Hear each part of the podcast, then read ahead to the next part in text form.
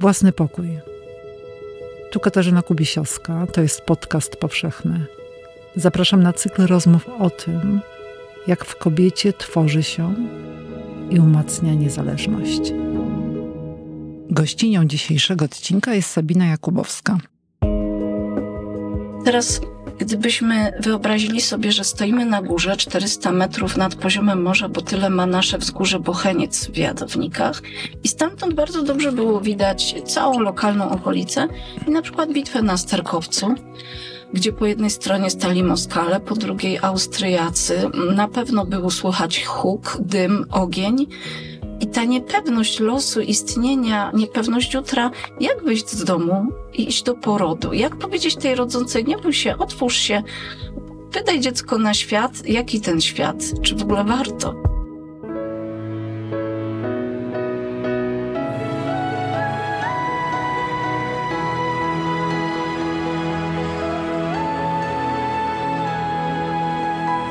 Podcast powszechny. Weź, słuchaj. Dziękujemy patronkom i patronom za wsparcie. Dołącz do grona dobroczyńców podcastu Tygodnika Powszechnego w serwisie Patronite. Dzień dobry z Krakowa ze studia Tygodnika Powszechnego przy ulicy Dworskiej 1C. Katarzyna Kubisiowska. Dziś ze mną w studiu jest Sabina Jakubowska. Dzień dobry Sabino. Dzień dobry Kasiu. Mamy rozmawiać o własnym pokoju, twoim własnym pokoju. I myślę sobie, że ten twój własny pokój zaczęły już budować twoje przodkinie, twoje dwie prababcie, y, które były kuszarkami. Czy ja dobrze myślę? Czy, czy w dobrym kierunku moje myśli biegną? Tak, to prawda. Ciekawe jest to, że ja nawet mieszkam w tym samym y, miejscu, gdzie mieszkała jedna z moich prababek akuszerek. Anna Czernecka, dokładnie ten sam y, plac, że tak powiem, w miejscowości Jadowniki, ta sama parcela. Mm, myślę, że może być to też ciekawe uświadomienie sobie, że za naszym domem, który jest zbudowany w latach 80. XX wieku, nadal przechowujemy belkę z dawnej drewnianej chałupy, w której ona mieszkała, spała, w którą się być może wpatrywała, jak y, zasypiała albo kiedy się budziła z wyrzezaną datą 1863. Także gdybyśmy sobie kiedyś zapomnieli o tym, że tu mieszka Anna Czernecka, to belka dalej jest. No, a jak, y, a druga twoja babka? Od strony pomieczu, mhm. też akuszerka. To jest niesamowite, że dwie gałęzie rodziny i dwie akuszerki. Dla mnie to też jest niesamowite. Tą drugą jest Rosalia Jakubowska, kobieta, która przyszła do mnie, podobnie jak Anna Czernecka, dzięki temu, że pewnego dnia hobbystycznie zaczęłam pisać doktorat. Hobbystycznie pisać doktorat. Tak. Zatrzymajmy się na tym. Dlaczego hobbystycznie? Zaraz do tego wrócę, dojdę tylko do babek, bo okay. o nich potem zapomnę. Ja po prostu analizując księgi metrykalne, zobaczyłam tam kilkakrotnie nazwisko tej właśnie Rozalii Jakubowskiej z Brzeska. Nie spodziewałam się jej tam i zaczęłam drążyć. Dopiero wtedy się dowiedziałam, że to jest po pierwsze moja praprababka, a po drugie, że była akuszerką. Hobbystycznie robiłam doktorat, bo brakowało mi intelektualnych y, zajęć. Przez jakiś czas pracowałam w szkole i miałam poczucie, że to za mało. Byłaś nauczycielką. Byłam nauczycielką, no z powrotem jestem, ale w tym czasie, kiedy pracowałam w szkole, w pewnym momencie zaczęłam czuć, że, że to za mało po prostu uczyć ciągle tych samych treści i ja w ogóle mam wrażenie, że lubię uczyć, ale tak bardzo nie lubię systemu edukacji obecnego, nie, nie lubię oceniania. To jest dla mnie trauma większa niż dla uczniów. No i ten doktorat stał się taką odskocznią dla mnie, dlatego wybaczyłam już sobie to, że pisałam go przez 18 lat. Mhm. Może byłoby szybciej, gdyby nie rozmaite po drodze problemy typu COVID na przykład, który wszystko wydłużył wcześniej. Pozamykał archiwa na przykład. Nie, po prostu wydłużył czas formalny. Ja już tą pracę składałam w tym momencie. Mhm. Wcześniej miałam też y, zmianę promotora, ponieważ pierwszy promotor, profesor Robotycki zmarł i mhm. zeszło mi chwilę, zanim znalazłam drugiego promotora, profesora Ziębę i dostosowałam też siebie, do jego oczekiwań, swoje pomysły. Oj, ile myśmy godzin przedyskutowali, żeby ten doktorat był taki, jak ja chcę, ale równocześnie z uwzględnieniem jego porad. Więc to jest takie trochę dziwne, kiedy się mówi ludziom, że hobbystycznie piszę y, doktorat, czy pisałam, to jednak nie jest to powszechne hobby. Mhm. A ja teraz przeczytam y, Tobie i Państwu y, y, temat doktoratu Twój. Zmienność imiennictwa w polskich środowiskach lokalnych na przykładzie rzymskokatolickiej parafii Jadowniki w Małopolsce w latach 1784-2005. Interdyscyplinarny. Mhm. Antropologiczno-kulturowy, językoznawczy i historyczno-regionalny. Bardzo mi zależało, żeby się tym zająć, bo uważam, że za światem wybieranych imion stoi świat wartości ludzi, tych minionych, obecnych, cała ciągłość między nimi, wszystko to, czym ludzie się kierowali w życiu, co chcieli zapewnić swojemu dziecku i sobie. I za statystyką, bo 20 663 osoby ochrzczone to jest przepiękny materiał statystyczny, ale to jest też tyle dokładnie istnień ludzkich, ich życie, historie rodzinne, mikrohistorie lokalne, ta wielka historia, która na nich spadała, prawdziwe autorytety, fałszywe autorytety, które były odrzucane, rozmaite mroczne przygody mieszkańców tej wsi, które się przekładały na imiona tabuizowane, wychodzące z obiegu, mm, stosunki społeczne, rodzinne, religijne, patriotyzm i mnóstwo innych aspektów, które po prostu ja przez pryzmat imion analizowałam, obserwowałam, interpretowałam, zachwycałam się nimi. Dlatego mi się nie śpieszyło, bo e, teraz jestem na etapie przygotowywania mojego doktoratu do publikacji i za każdym razem, jak zaczynam to czytać, to przypominam sobie, jak ja to bardzo kocham. Także mhm. cieszę się z tego czasu, który na tym spędziłam, niczego nie żałuję, a przy okazji to jest wspaniałe uczucie, mieć pod dłońmi te ludzkie istnienia, kiedy się czyta stare księgi metrykalne, takie sprzed 200 lat. I widzieć wpisy po prostu odręczne. Wpisy odręczne mhm. i towarzyszyło mi też wielkie wzruszenie, kiedy widziałam noworodka. Po jakimś czasie kilkanaście lat później, często też kilkadziesiąt, wracało to imię i nazwisko jako rodzic, rodzic chrzestny, a kilkadziesiąt lat później to już mogli być dziadkowie. I widziałam jak kruche jest to życie ludzkie, jak przemijające, a zarazem ważne, jak istotne jednostki zapisują się w pamięci swoich pokoleń, rodów, wsi, bo ich imiona są przekazywane. I to wszystko tworzyło taką niesamowitą opowieść we mnie, że ja chcę ten świat utrwalić. A dodatkowo dostałam bonus, nagrodę, bo analizując te księgi zobaczyłam też 2132 razy imię mojej prababki Anny Czerneckiej, właśnie tej, która mieszkała w miejscu, w którym ja mieszkam. I moja prababka przyjmowała te porody i była aktywna do 80 roku życia. I zaczęło mnie to w pewnym momencie tak zdumiewać, jak to ona potrafiła to tak dobrze pogodzić z bardzo trudnymi wydarzeniami historycznymi i ze swojego życia. Jakie to musiało być uczucie, kiedy ona wychodziła do porodu, na przykład w czasie I wojny światowej. My dzisiaj, my dzisiaj bardzo jesteśmy stworzeni tym, co się dzieje za naszą granicą, powiedzmy tysiąc kilometrów stąd, może mniej. A teraz Gdybyśmy wyobrazili sobie, że stoimy na górze 400 metrów nad poziomem morza, bo tyle ma nasze wzgórze Bocheniec w Jadownikach i stamtąd bardzo dobrze było widać całą lokalną okolicę i na przykład bitwę na Sterkowcu, gdzie po jednej stronie stali Moskale, po drugiej Austriacy. Na pewno było słychać huk, dym, ogień. I ta niepewność losu, istnienia, niepewność jutra, jak wyjść z domu, iść do porodu. Jak powiedzieć tej rodzącej, nie bój się, otwórz się, wydaj dziecko na świat, jaki ten świat, czy w ogóle warto. I tak myślałam z ogromnym podziwem o niej, a zarazem o tych wszystkich innych kobietach, które wtedy były położnymi akuszerkami w mojej wsi, w okolicy, wszędzie.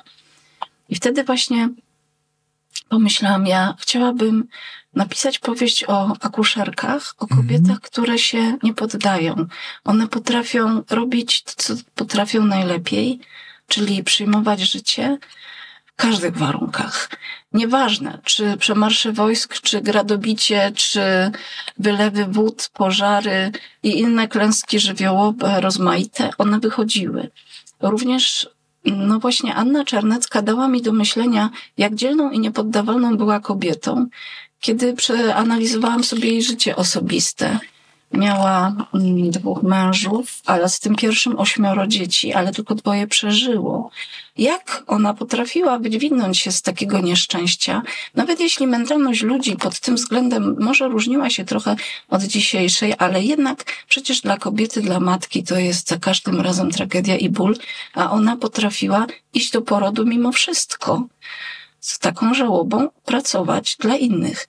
I pomyślałam, tak, w, od małego słyszałam o Annie Czerneckiej, że to była położna, że miałam prababkę położną. Nawet bawiłam się takimi przyrządami jej, jak właśnie mm, termometr do mierzenia wody, do kąpieli noworodka.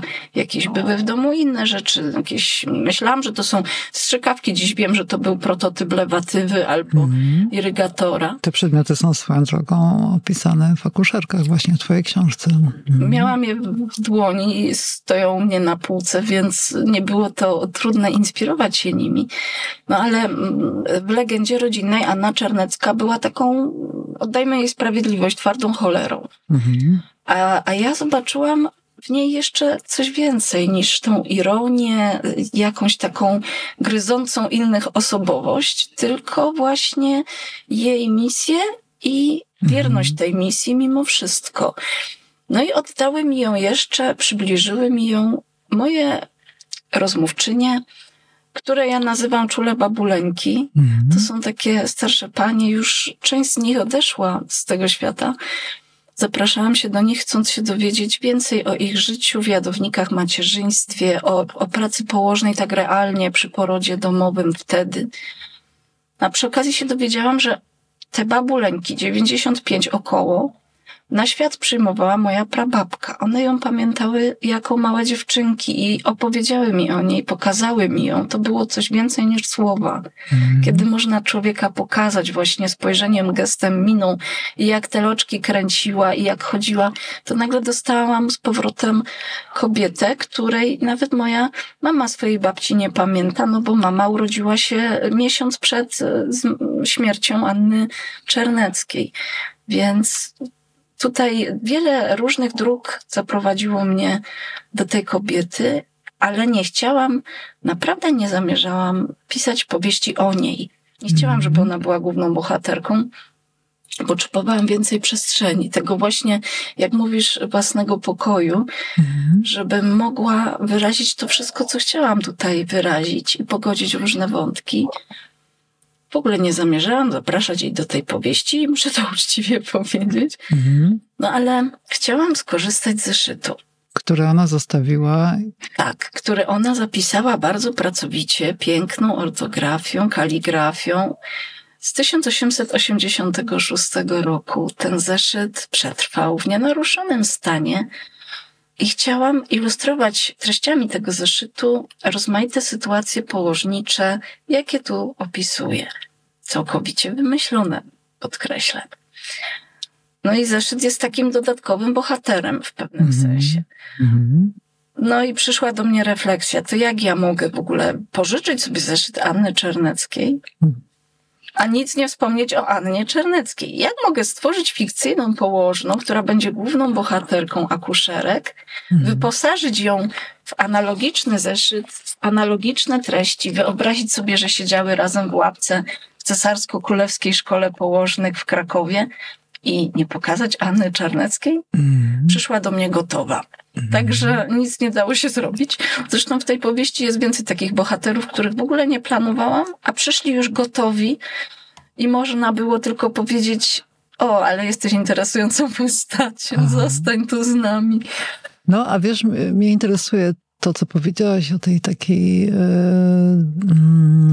yy, odporności psychicznej twojej babki, ale też tamtych kobiet po prostu były moim zdaniem silniejsze.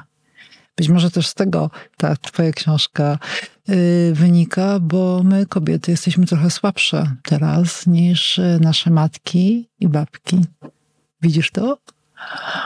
Niewątpliwie tak. Mogłabym tu przytoczyć wiele historii, ale chciałabym jedną. Wśród tych moich rozmówczyń z Jadownik była pani Anna. Ona już nie żyje. To jest osoba, która miała tak trudne życie, że ja nie znajduję porównania nigdzie dla takiego trudnego życia, wymagającego. I to podaj przykład tego, tego trudu. No najpierw jako dziecko trud na roli i niemożność edukowania się, tylko konieczność pracowania dla swoich rodziców w gospodarce. Potem normalny trud, trud powojennego e, budowania swojego życia rodzinnego, macierzyńskiego, kiedy nie było nic, kiedy razem z mężem od podstaw wznosiła dom i opowiadała mi, że synka któregoś kolejnego urodziła w nowym domu, to mąż e, wyspał się e, na desce, żeby miał w tym nowym domu, żeby już mogli być razem wychowywanie tych dzieci, rozmaite problemy, ale potem, kiedy dzieci były dorosłe, zmarła jej córka, zostawiając troje wnucząt pod jej opieką, bo zięć zaraz potem też zmarł i ona miała drugie okrążenie macierzyńskie, co już nie było łatwe. Wkrótce została wdową, ale razem z mężem zaczęli budować nowy dom. Ona ten dom dokończyła własnymi siłami. No i jeden z tych wnucząt był mocno niepełnosprawny, więc ona miała dodatkowe utrudnienia nawet nie chciałabym tego aż tak bardzo e, rozwijać, tylko puenta jest ważna. Bo kiedy ja z nią rozmawiałam, ona już naprawdę wypatrywała, e, kiedy jej się to życie skończy, już się cieszyła e, bardzo dużą gromadą wnucząt, prawnucząt i ja na koniec tego wywiadu zapytałam panią Annę, co jej zdaniem było najtrudniejsze. Ona się roześmiała. Z taką naprawdę radością, spontanicznością i powiedziała mi zupełnie szczerze nic. Da się przezwyciężyć wszystko. No to uczmy się od mistrzów, jak mamy takie wskazówki. Od mhm. mistrzyń w tym konkretnym przypadku. Mhm. No a twoja decyzja, e, żeby zostać dulą, kiedy zapadła? Jak to się stało? Ja myślę, że to się zaczęło, kiedy rodziłam swoje dzieci i to było dla mnie wspaniałym doświadczeniem. To był potencjał, który później mi posłużył do tego, żebym potrafiła empatię dać innej kobiecie, trochę. Bazować na tych moich pozytywnych doświadczeniach, bo nie da się być dulą bez wiary, że możliwy jest dobry poród. Czyli miałaś szczęście, byłaś w dobrych, pod opieką dobrych kobiet. Niewątpliwie tak, miałam szczęście, a potem po prostu trafił mi się zawodowy zakręt, kiedy szukałam na siebie nowej drogi. To już był kolejny. I chciałam bardzo coś zmienić. Cały czas próbowała się wyrwać e, z bycia nauczycielką? Po prostu, e, nie, nie, ja w ogóle w dorosłym życiu to chciałam być archeologiem. No jestem magistrem mm. archeologii, więc pierwszy krok uczyniłam, ale nie było e, wtedy w tym czasie pracy dla tylu archeologów i przekwalifikowałam się, zostałam nauczycielem, zostałam też jeszcze wcześniej dziennikarzem w lokalnym miesięczniku. To były też cenne doświadczenia. A potem pewnego dnia, kiedy właśnie y, szukałam nowej pracy, mama przyniosła mi artykuł w czasopiśmie, gdzie był wywiad z dulami. Dzisiaj to są moje koleżanki, które serdecznie pozdrawiam. A wtedy, no to takie niesamowite dla mnie było kobiety, które takie ciekawe rzeczy robią, bo ja wiedziałam zawsze, że położną nie mogę być. To jest silna bariera. Nie potrafiłabym ingerować w ludzkie ciało. Dzisiaj jednak procedury często tego wymagają od położnej i wiedziałam, że to nie jest moja droga. Ale kiedy dowiedziałam się, że istnieje zawód bazujący na sile wsparcia, po prostu potędze nieoceniającego bycia przy kimś, no to wiedziałam, że ja chcę iść tą drogą. Chyba prawdziwe bycie przy kimś jest właśnie nieoceniające. Tak. I wszystkie szkolenia, które podjęłam w kierunku udulowania, utwierdziły mnie w tym. Kobiety, które poznałam, utwierdziły mnie w tym. Rozmaite doświadczenia, jeszcze jakie do mnie przyszły w międzyczasie, też mnie w tym utwierdziły. No i te pierwsze porody, było coś wspaniałego. I pamiętam, jak wyszłam z tego pierwszego porodu, to dojmujące dla mnie było uczucie, że ja się czuję tak, jakbym zawsze to robiła. Aha. Czyli tak, radość, ekscytacja, ale równocześnie takie normalne. Naturalne. Jestem na swoim miejscu. Aha. A to może słuchaj, te, to zaplecze, te przodkinie. Te... Tak, ja tak myślę, że silny gen. Aha. silny gen położnych y, tutaj gdzieś we mnie otworzył tą możliwość i ja kocham żywioł, jakim jest poród. Po Aha. prostu bardzo się w tym dobrze czuję. A co, co, co jest takiego do kochania w tym żywiole? Porodu. Piękno kobiety, która się otwiera i rodzi, mhm. jej niesamowita moc, jaką ona dostrzega jakby z czasem. Mhm.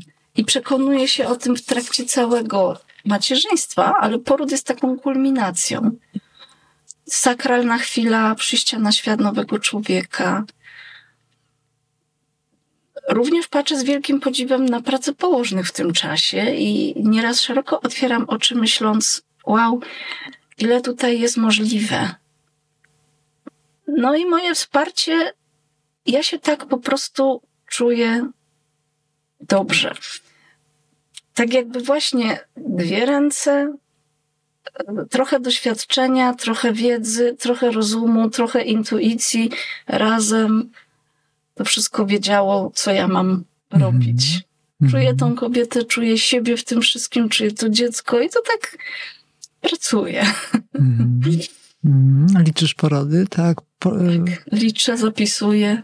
Aha. Mhm. I Możesz powiedzieć, Oczywiście, e, jako że należy do Stowarzyszenia Dula w Polsce i wśród naszych standardów jest, żeby właśnie zawsze mówić zgodnie z prawdą, to ja powiem teraz zgodnie z prawdą, że uczestniczyłam na ten moment przy 32 e, porodach, natomiast wsparcie świadczone ciężarnym czy kobietom w okresie połogu to są dziesiątki, może setki, bo to też są osobne historie.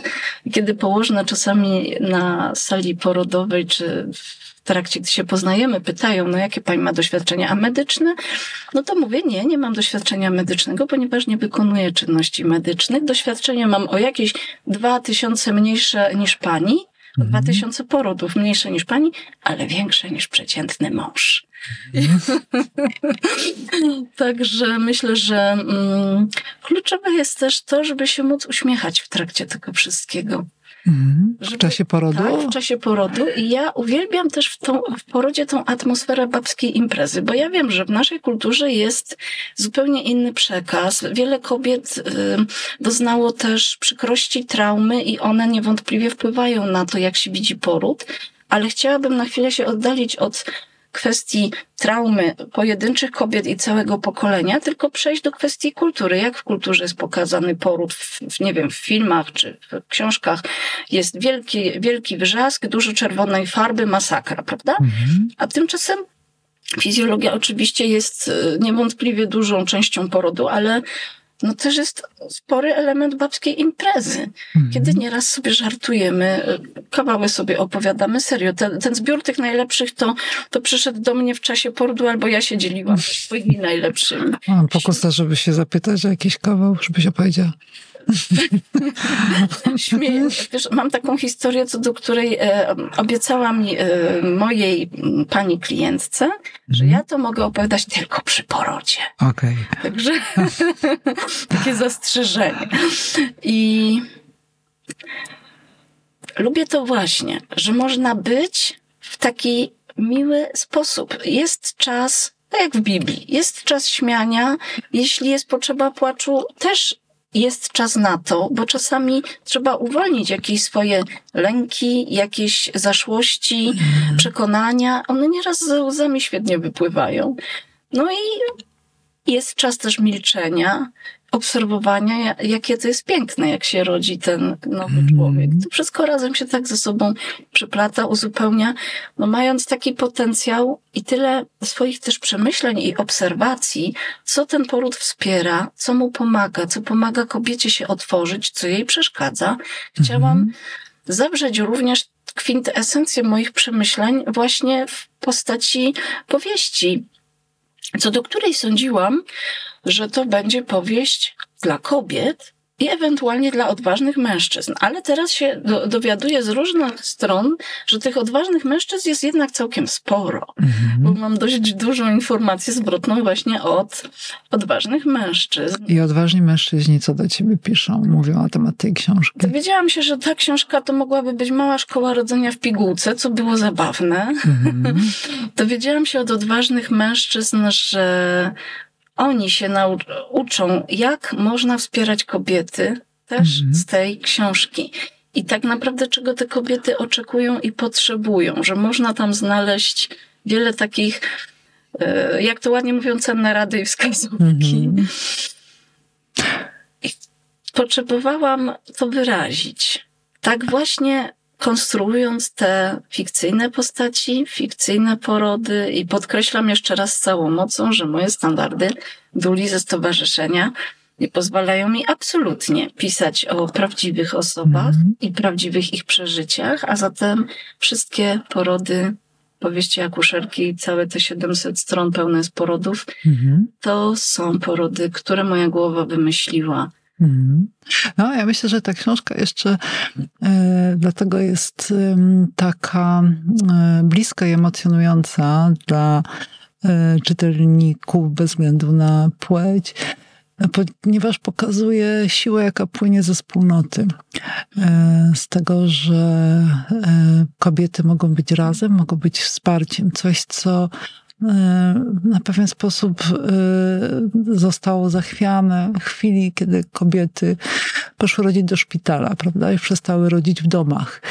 E, I ja sobie myślę też o takim swoim szczęściu, moim jako mamy, bo Dostałam ogromne wsparcie, chociaż rodziłam, rodziłam dzieci w szpitalu, ale dostałam ogromne wsparcie od wszystkich kobiet w mojej rodzinie. I, i taki zachwyt tym, że jestem w ciąży, a później taką, taką uważność, jak, jak przynosiłam do domu moje dzieci.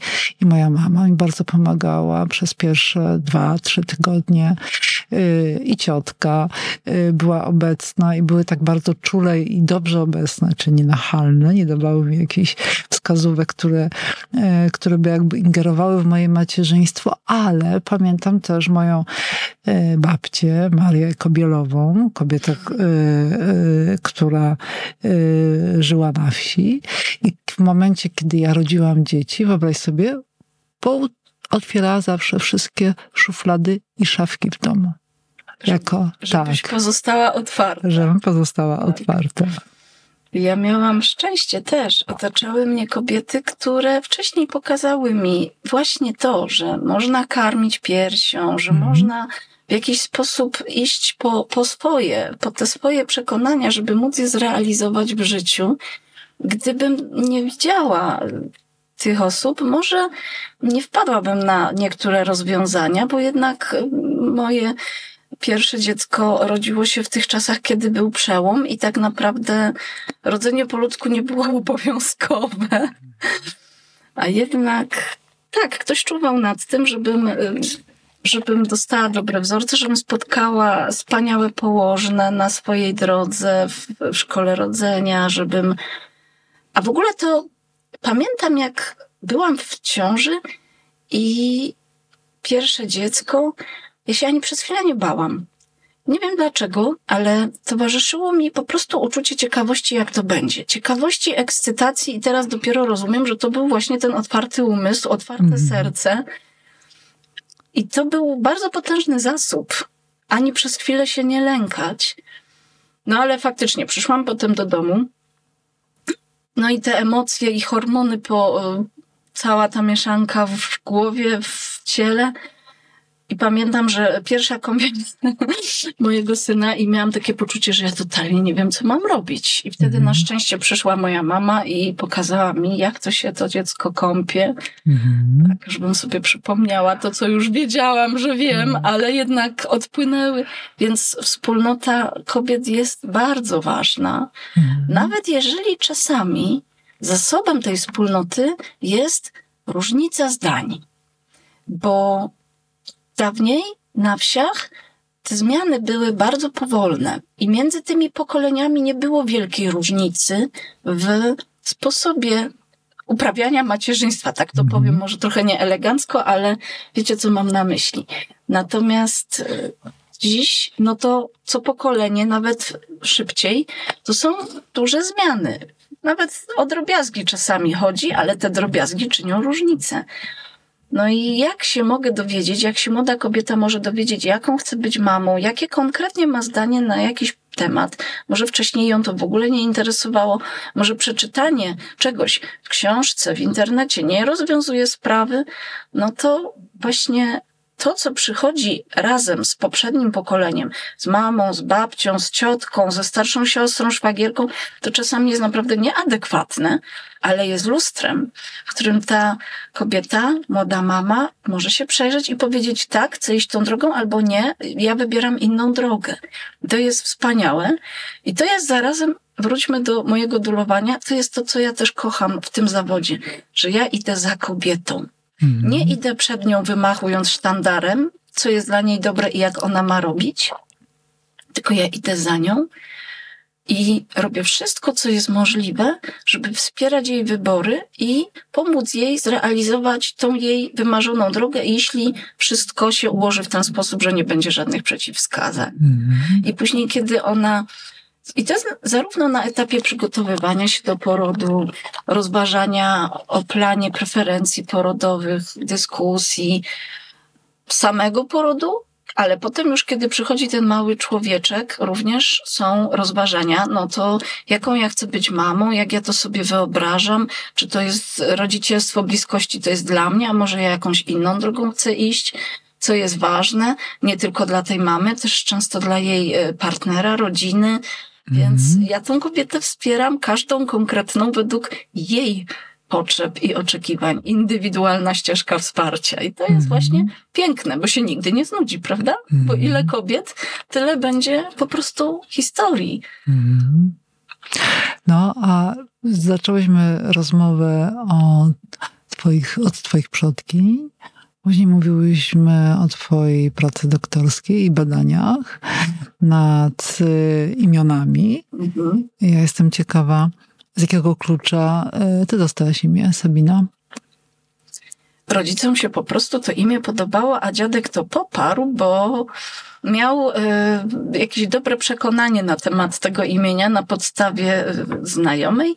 Natomiast ja mam na drugie Anna. Urodziłam się w Annę i moja babcia po, miała na imię Anna, więc ten był bardzo konkretny. Jeszcze myślę, że y, osoby, które przeczytały akuszerki, to już to wiedzą, a te, które nie przeczytały, to nie zaspoileruję niczego, mówiąc, że w Jadownikach jest kościółek na Bocheńcu, na górze Bocheniec, pod wezwaniem świętej Anny. Ten kościółek jest bardzo stary. A legenda mówi, że święta Anna osobiście paluszkiem pokazała, gdzie ma być ten y, kościółek. Więc naszą lokalną patronką, taką kobiecą siłą jest święta Anna. Ale uwaga, samo trzecia. Jest tam źródełko z mhm. cudowną wodą, jest figurka. I ta święta Anna na kolanach trzyma Jezuska i taką małą dziewczęcą jeszcze Maryjkę. Ta święta Anna jest taka pełna mocy. Ona jest taką magna mater, naszej wsi, okolic. Zresztą tam na podstumenciku był kiedyś taki napis Święta Anno, Twoją e, chwałę Twoja chwała w okolicy wszędzie brzmi. Dzisiaj y, pomnik jest y, po renowacji, więc nie ma już tych szalonych barw, które kiedyś mm, nadawały jej, moim zdaniem, tylko charakteru. A ja opisałam ją taką, jaką ją pamiętam. Właśnie taką patronkę całych jadownik, bo co druga kobieta u nas ma na, na imię Anna, w każdej rodzinie jest co najmniej jedna Anna, no i to jest takie oczywiste. A jakbyś na koniec miała powiedzieć e, o takiej sytuacji, kiedy czujesz się e, najbardziej wolną kobietą, to co ci przychodzi do głowy? Ciągle się tego uczę. To mogą być różne rzeczy. Myślę, że pisanie jest czymś, co daje bardzo dużo wolności, bo wchodzę w przestrzeń, gdzie jestem tylko ja i z wielką ciekawością otwieram się na to, co do mnie przychodzi, wtedy to nawet nie potrzebuję żadnych innych bodźców, tylko inspiruje mnie, wiem, że to zabrzmi dziwnie, ale inspiruje mnie sama melodia e, klikanych e, przycisków na klawiaturze pod palcami. Tu się przydaje to wykształcenie, bo ja podstawową szkołę muzyczną skończyłam w klasie pianina, więc paluszki 10 palców działa na klawiaturze, gdzie są literki i, i otwieram ten komputer. No dobra, biorę go jeszcze pod wisienkę, czy w jakieś inne miłe miejsce, mieszkam na wsi, to mogę. I, i wtedy pojawia się wszystko. Cały kompletny świat. I owszem, pisząc akuszerki, wiele razy sprawdzałam rozmaite fakty. Rzeczywiście, rzeczywiście wtedy uczyłam się też różnych szczegółów historii lokalnej, żeby je oddać. Sprawdzałam daty, dni tygodnia, pełnię księżyca, ale kiedy już to miałam sprawdzone i były ramy tego świata, to ja po prostu pozwalałam sobie, żeby to przepływało przeze mnie. I użyczałam też i emocji, i ciała, żeby czuć to, co czuje moja główna bohaterka. Dlatego pod koniec pisania miałam 86 lat. Mm. I z ulgą zdjęłam te, te lata, myśląc... Dodałaś wow. sobie 40 do tych obecnych. Odkrycie, że nagle mam 47, to było, czy 46, nie pamiętam, to za dwa lata temu, to było takie uwalniające. Także chyba rzeczywiście najbardziej wolna się czuję wchodząc ten świat, który już na mnie czeka, gdzieś między intelektem, intuicją, a tą wolnością kreacji.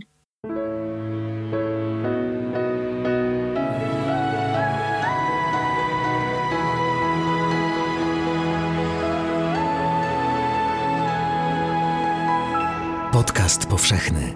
Weź, słuchaj. Jeśli słuchają nas Państwo w Spotify albo w Apple Podcast, zasubskrybujcie nasz kanał. Jesteśmy też w Google Podcast i w aplikacji Lekton oraz na www.tygodnikpowszechny.pl/podcast. Dziękujemy patronkom i patronom za wsparcie. Współwydawcą podcastu powszechnego jest Fundacja Tygodnika Powszechnego.